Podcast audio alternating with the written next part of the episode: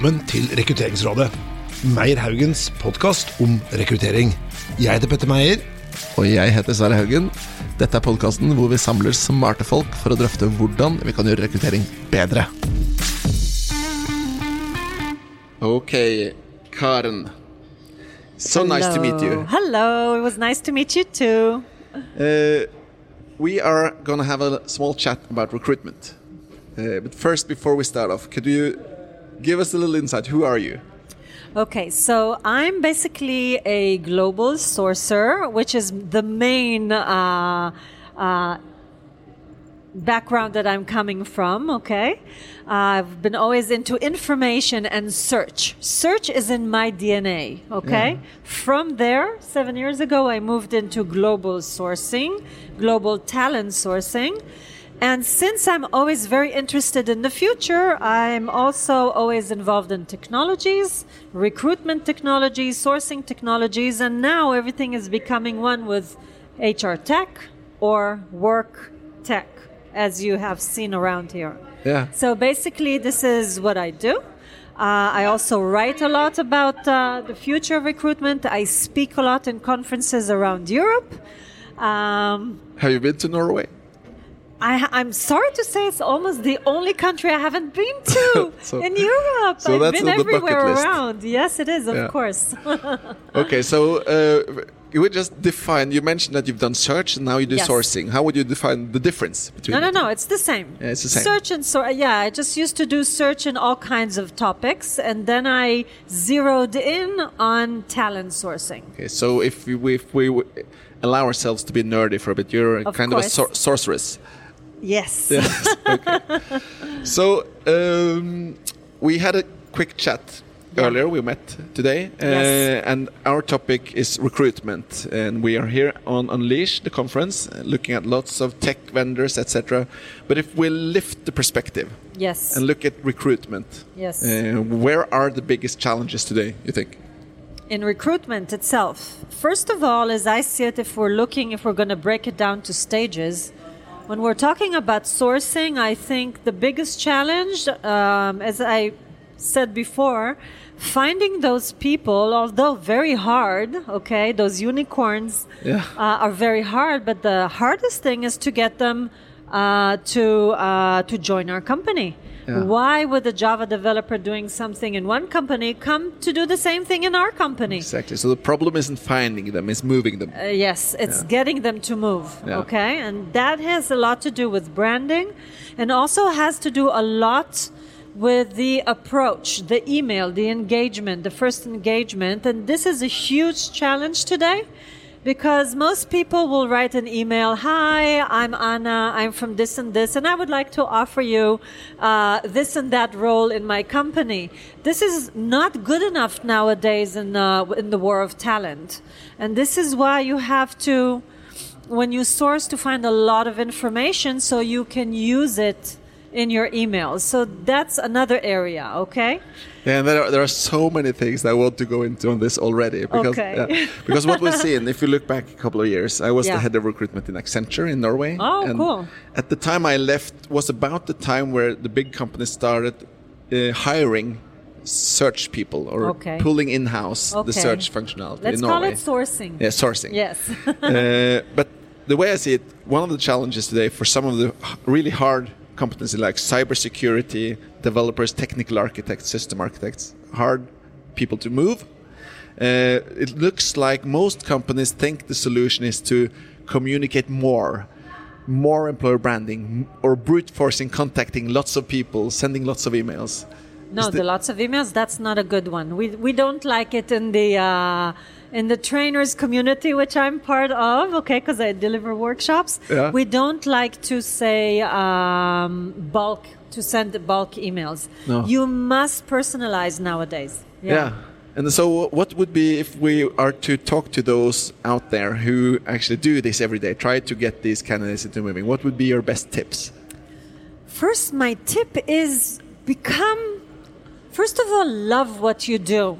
And you know why I'm saying it? and I have to. I just sorry. I have to Yeah, nar- sure, narrate it because you, the, the listeners can't see your body language, but I can say that Karen is now. she's very. She's awake. passionate. Yeah, passionate. Yeah. Passionate. Yes, because when you do love what you do, you want to do it the best way you can. And when you're trying to approach people, you want to do it in the most professional, most I would say creative way to get them come on your side. So if you're one of those people that's just writing a few sentences uh, on LinkedIn InMail or I don't know, this is not going to do the job, okay? You need to become creative. You need to become a professional in what you do and understand how to research those people and when you write to them you need to connect with them on an emotional level, okay? When I write an email, and this is what I teach, the beginning, the first paragraph is always something about you that you don't know that I know about you, Yeah.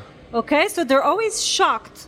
How do I know So then that? you have the attention. exactly. Yeah. And it's This personal. is- yeah, of course, because listen, this is sales. Yeah. This is not recruitment. This is sales. The email is sales. And you need to know the principles of sales and implement them. Yeah, and sales is a Yeah. is a complicated thing, and the thing in Norway at least, where many people are sort of negative to the word sales. Yes. Yeah. Yeah. yeah, Me too, by the way. Yeah. But I will. I'm. I'm happy to use it if it will get me my candidate. Yeah, exactly. I Yeah. I um I have this.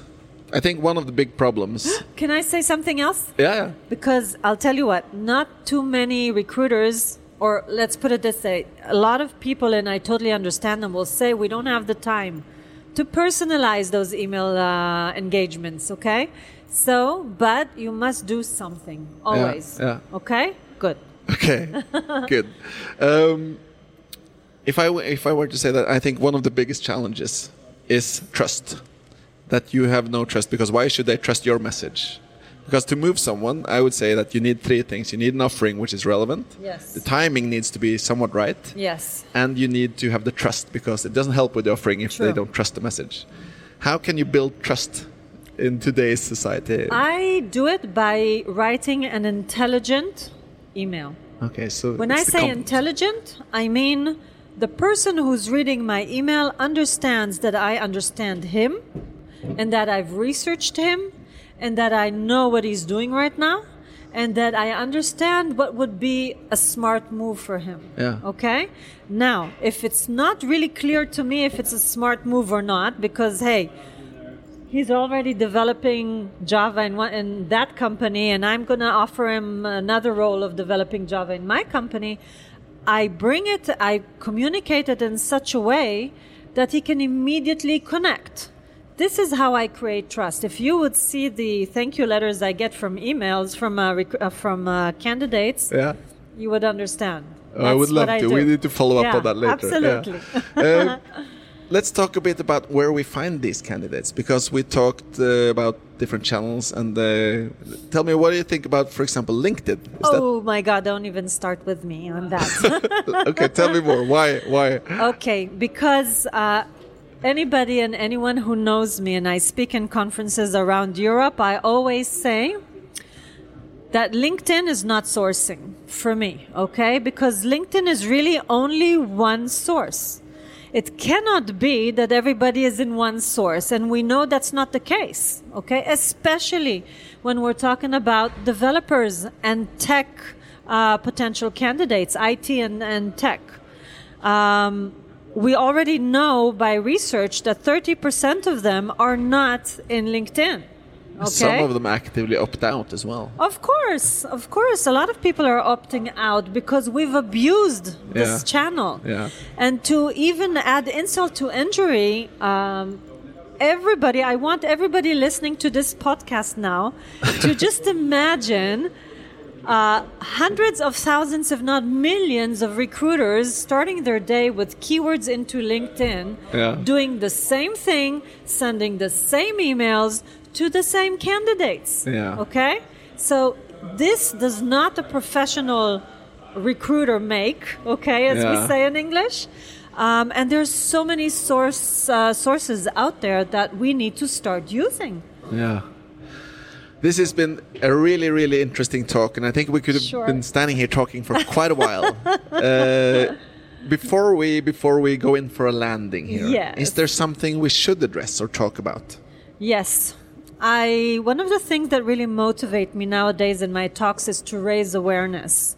I want recruiters and I, I won't talk about HRs right now. I'll talk about recruiters to understand um, that technology is not a question of if it's going to be integrated in their work, it's being integrated in their work. Um, recruiting is technology. This is where it's going. If if recruiters don't open their minds, change their mindsets, and start inquiring more into this technology, they will lose their jobs. I will not get tired saying this. Yeah. The problem is that people don't change uh, their mindset unless they are uh, in danger. Okay? They don't feel in danger yet. It will be too late when they say, "Oh my God, I need to understand what a chatbot is." Okay, Yeah. I need to know what's going on. So really, what I, it, it's really um, important for me that recruiters open their open their minds now to technology, which they did not sign up for. No, Okay, but now they need to be a part of it. they need to because Yes. tech tech is taking over period. And we're still there okay? I mean for me sourcing is dead. I mean manual sourcing is dead. It's Yeah. fully automated already. Yeah. is it doing a good job? No. But it's going to do a good job very soon and if you don't know what kind of uh, advanced sourcing tools and advanced recruitment solutions there are you're going to be in trouble soon So uh, we have this slogan at Yes. Meyer Haugen where we say high tech and high touch. Uh, Ah, because you need to succeed with tech, like you say. Yes. But I think the things you said about communicating with a personal thing, that's the touch. Yes, So I out, agree. uh, out of all of these companies, those who fail with tech will fail, but those who succeed with tech, the winners will be those who also succeed with the high touch. I agree. It's not one instead of the other. I Yeah. mean, I mean, recruiters are going to change their role. It's not going to be talking on the phone all day. It's not going to be looking on CVs. It's going to be totally something different, but they will be at the end of the process. I'm not even sure if it's going to be a recruiter because Sourcer, there's not going to be a need for it. Recruiter, I'm not sure. One person will be on top of everything with the personal touch. Yeah, exactly. Okay? Yeah. Okay, so Karen Azulay. Yes. where if people want to uh, see what you've re- uh, wrote written Yes, uh, right. where would they find more information Um, you can always look at hrtechnation.com. This is where I write a lot of things. Um, I'm all over the internet. I'm uh, discuss- discussing and uh, arguing wherever I can, all kinds of groups. Um, and so uh, basically, yeah, just follow me on Facebook. and hopefully soon also in norway Amen. Hallelujah. Thank Thank you. you for this opportunity. I Thank you so appreciate much. it. Thank you.